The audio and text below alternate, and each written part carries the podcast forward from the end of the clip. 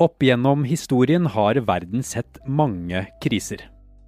Og det er når verden settes på prøve at valgene som tas av statsledere og regjeringer, blir skjebnesvangre. Det er sånne valg det fortsatt lages filmer av 80 år senere. We shall fight in the hills. We shall never surrender! Deres Majestet, fremmede krigsskip er på vei inn i ytre del av Oslofjorden. Krisen verden står i nå, beskrives som den mest alvorlige siden andre verdenskrig. Ingen i min generasjon har opplevd at landet vårt har så store utfordringer som vi sammen står i nå. Det er valg i krisetider som blir husket.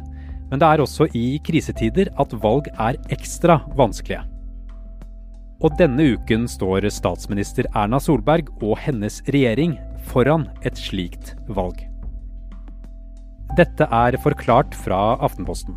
Jeg heter Andreas Bakke Foss. I dag er det tirsdag 7. april.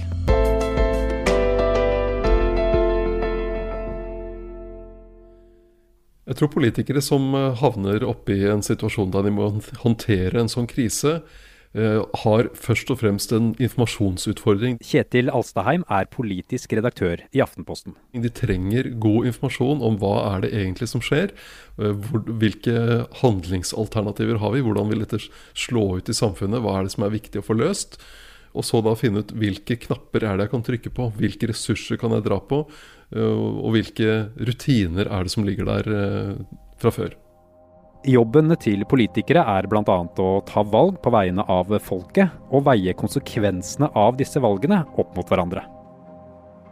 I filmen 'Darkest Hour' skildres de dramatiske valgene den britiske statsministeren Winston Churchill måtte ta i krigen mot Nazi-Tyskland i starten av 1940-årene. You have the full weight of the world on your shoulders. Og filmen 'Kongens nei' viser hvordan kong Haakon valgte å si nei til Tysklands krav om kapitulasjon under invasjonen av Norge i april 1940. De har gjort et veldig inntrykk på meg. At ansvaret for de ulykker som kommer over land og folk, legges på meg. Også de siste 15 årene har det vært vanskelige valg. Som under finanskrisen i 2008 og 2009. Først er jeg trygg på at dette kommer til å virke. Eh, det som er mer usikkert, er hvor langvarig og dyp blir den internasjonale finanskrisen. Hele nasjonen ble satt på prøve 22.07.2011. I dag er Norge rammet av to sjokkerende, blodige og feige angrep. Statsminister Jens Stoltenberg sa vi skulle svare på terroren med mer åpenhet og mer demokrati. Vi må aldri slutte å stå opp for våre verdier. Kjetil, hva er det vanskeligste ved de prioriteringene man gjør og valgene man tar som politiker i en regjering under kriser? I normalsituasjon så eh, bruker jo forvaltningen eh, det som kalles utredningsinstruksen, som stiller krav til hvordan man skal gå frem når man skal eh, vurdere å gjøre et eller annet. Når man er oppe i en krisehåndtering, så går jo alt mye fortere. Du skal handle raskere for å prøve å stanse noe som kan skape store problemer, eller løse noe som er en akutt situasjon. Men det grunnleggende i utredningsinstruksen, det som er punkt nummer én, er å definere hva er problemet, og hva vil vi oppnå. Hva er, altså, hva, er, hva er, problemet, og hva kan vi gjøre for å løse det? Så det er, eh, er jo det en politiker står oppi når de får en krise kastet over seg. Slike situasjoner som nå, Kjetil, tvinger jo frem vanskelige prinsipielle spørsmål eh, som hvor, mye det er verdt å ofre i samfunnet f.eks. For, for å spare et, eh, et liv. Hvordan kan man som politiker klare å avgjøre det?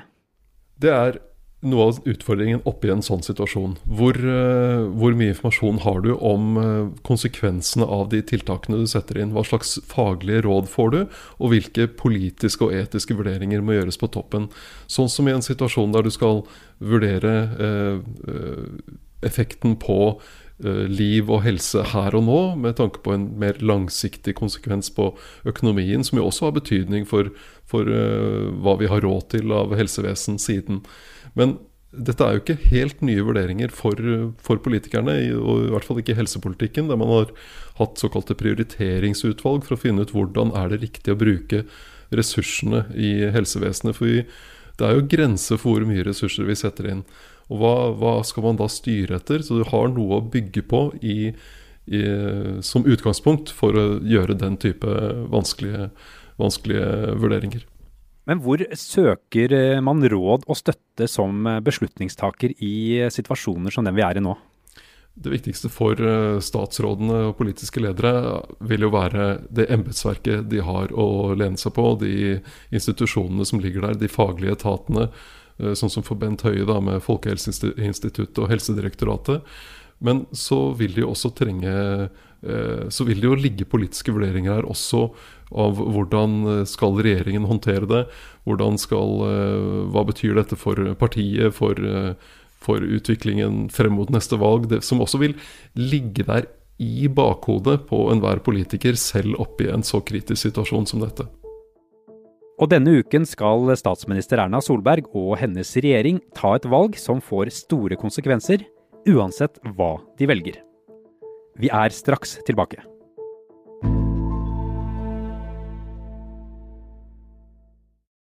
Jeg er glad jeg ikke er politiker. Det var jeg for så vidt eh, glad for allerede før koronakrisen. Men jeg er veldig glad det ikke er jeg som skal ta de valgene regjeringen nå skal ta. Etter planen skal regjeringen i morgen fortelle Norge om de vil løse opp litt på de strenge tiltakene, f.eks. la barn og unge gå i barnehage og på skole, eller om de skal fortsette som nå. I det valget står helse, smittevern og dødsfall på den ene siden, vi ser at flere av de som kommer til intensivavdelingen fordi de trenger pustehjelp, er unge pasienter som ikke nødvendigvis har sykdommer fra før. Og økonomi, arbeidsledighet og næringslivets overlevelse på den andre. Bedrifter som må stenge ned, eller som opplever at kundene forsvinner over natten. Skal man i det hele tatt kunne avgjøre det, så kan man starte med å se på situasjonen på sykehusene og for smittespredningen i Norge. Det har kollega Per Anders Johansen jobbet en del med. Ved å se på antallet pasienter, intensivpasienter, så kan vi nå gjøre anslag som viser at eh, smitten sprer seg svært sakte i det norske samfunnet. Og at man nå ligger i underkant av eh, det man kaller for én på reproduksjonsraten. Det betyr at hver nye som har blitt smittet de siste ukene, ikke har brakt smitten mer enn til maks én. Dette er jo avhengig av hvilke modeller du bruker, men eh, tallene her er veldig klare. Tiltakene har hatt stor effekt, og man har klart å stoppe foreløpig, inntil nå, viruset fra å spre seg ute ut av kontroll. Når man vet hvordan det står til med smittespredningen, så kan man se på hva dette koster for samfunnet. For det er jo ingen tvil om at det er veldig dyrt å stenge ned så godt som hele Norge på én gang. Næringslivets hovedorganisasjon NHO, som organiserer mange av landets bedrifter, sier det koster 1,1 milliarder kroner hver dag å stenge ned bedriftene. En del av disse rapportene er jo fortsatt uh, unntatt offentlighet, for uh, regjeringen har valgt å holde uh, disse viktige premissene for seg selv til de har tatt en beslutning. Det mest kostbare enkelttiltaket er jo at barnehager og skoler er stengt, for det fører til at veldig mange tusenvis ansatte ikke kan gå på jobb, for de må være hjemme og passe barna sine.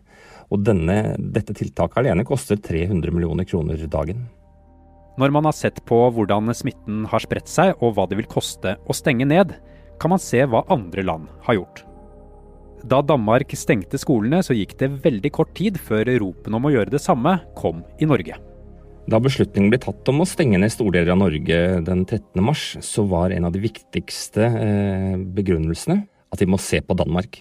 Så danskene har eh, gjort en del av de tingene Norge har gjort, bare litt raskere enn oss.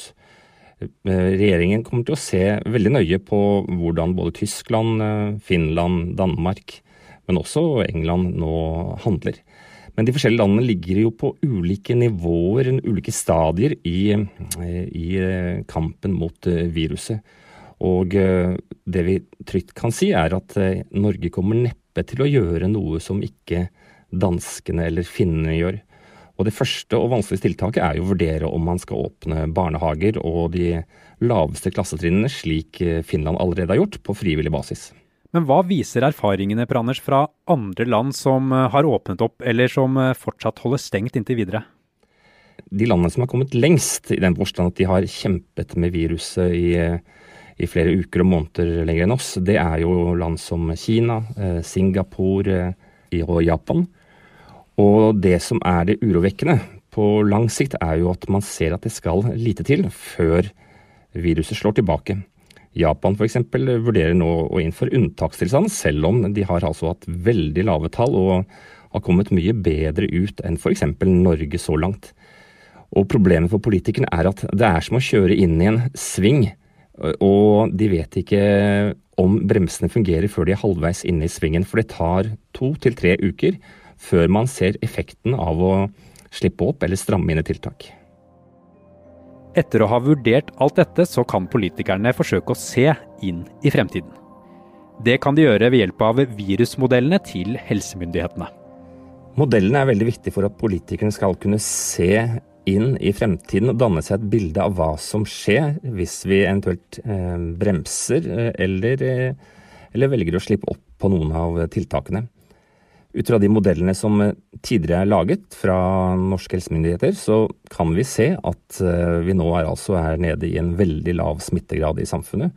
Kanskje under én, og det betyr at eh, vi har kontroll for nå. Men det skal lite til før dette endrer seg. og Problemet for politikerne er at de her må handle uten å faktisk vite det aller viktigste, nemlig hvor mange i samfunnet er egentlig smittet. Til nå har regjeringens store mål vært å stanse smitten så mye at kapasiteten på sykehusene holder. Blir det flere som trenger sykehushjelp enn det er plasser på sykehusene, kan systemet bryte sammen. Så etter alle disse vurderingene er det ett spørsmål som blir helt sentralt. Hvor mye smitte kan samfunnet tåle?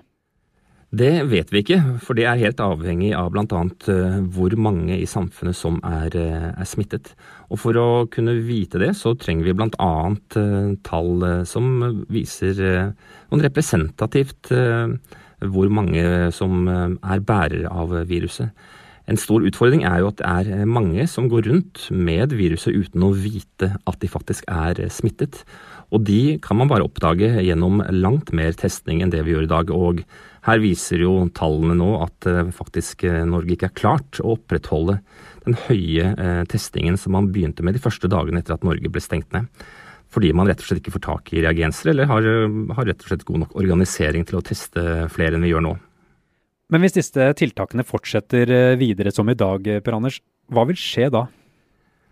Det som eh, vi allerede eh, ser, er jo at f.eks. på sykehusene så står nesten halvparten av alle sengene tomme, iallfall her i Oslo-området. Fordi at man har bremset så kraftig ned og innført beredskapstiltak og andre ordninger som gjør at veldig mange pasienter eh, da ikke får den behandlingen de skulle ha krav på. Selv om myndighetene sier at det som går på rett og slett akutt liv og helse skal man ta, så er det veldig, veldig mange, tusenvis faktisk, av pasienter som nå betaler en pris for at vi bremser for mye. Og samfunnskostnadene blir også høyere hvis vi bremser for mye. Så utfordringen for regjeringen er å finne akkurat den riktige, eh, riktige si, bremsetakten for at vi fortsatt skal klare å holde kontroll på viruset, men samtidig heller ikke si, ødelegge det samfunnet vi lever i. Ja, For hva vil kunne skje hvis man slipper opp eh, på noen av tiltakene? Det som gjør det veldig vanskelig eh, å være politiker nå, er at man ser ut fra både eh, modellene som forskerne lager, men også ifra hva som faktisk skjer foran øynene våre i land som Italia og Spania, at på et eller annet tidspunkt så mister man helt kontrollen over smitten i samfunnet, og det blir veldig vanskelig å, for ikke snakke om nærmest irreversibelt, å stoppe spredningen. Og, eh, men det blir jo tross alt lettere for Norge, i og med at vi nå har klart å stoppe viruset så, så godt som vi har gjort. Men og hvis man eh, hever for mye, så vil dette fort bli en situasjon hvor det egentlig ikke er noe man kan gjøre. Men akkurat nøyaktig hvor det tallet, hvor det vippepunktet går, det vet vi ikke. Og til det kreves bl.a. mye flere tester og, og mer innsats fra norske myndigheter enn det de har gjort så langt. Så det valget statsminister Erna Solberg og regjeringen skal ta nå, er det et valg mellom pengene eller livet? Hvis vi setter oss ned og ser på samfunnskostnadene, og det er jo det regjeringen gjør, og veier dette opp mot hva man har oppnådd, så er det klart at disse tingene henger sammen. Ehm, statsminister Erna Solberg har sagt at vi lever i et samfunn som ikke ofrer noe, men det er helt klart at eh, man kan ikke styre et samfunn uten at man veier verdien av ulike effekter opp mot hverandre. Da man stengte ned Norge, så var eh, myndighetene enige på, eller ærlige om at de ikke gjorde en eneste beregning. Man dro ikke fram kalkulatoren, men nå har man hatt god tid, og nå har man mye mer fakta enn man hadde den gangen om hvordan de ulike tiltakene virker.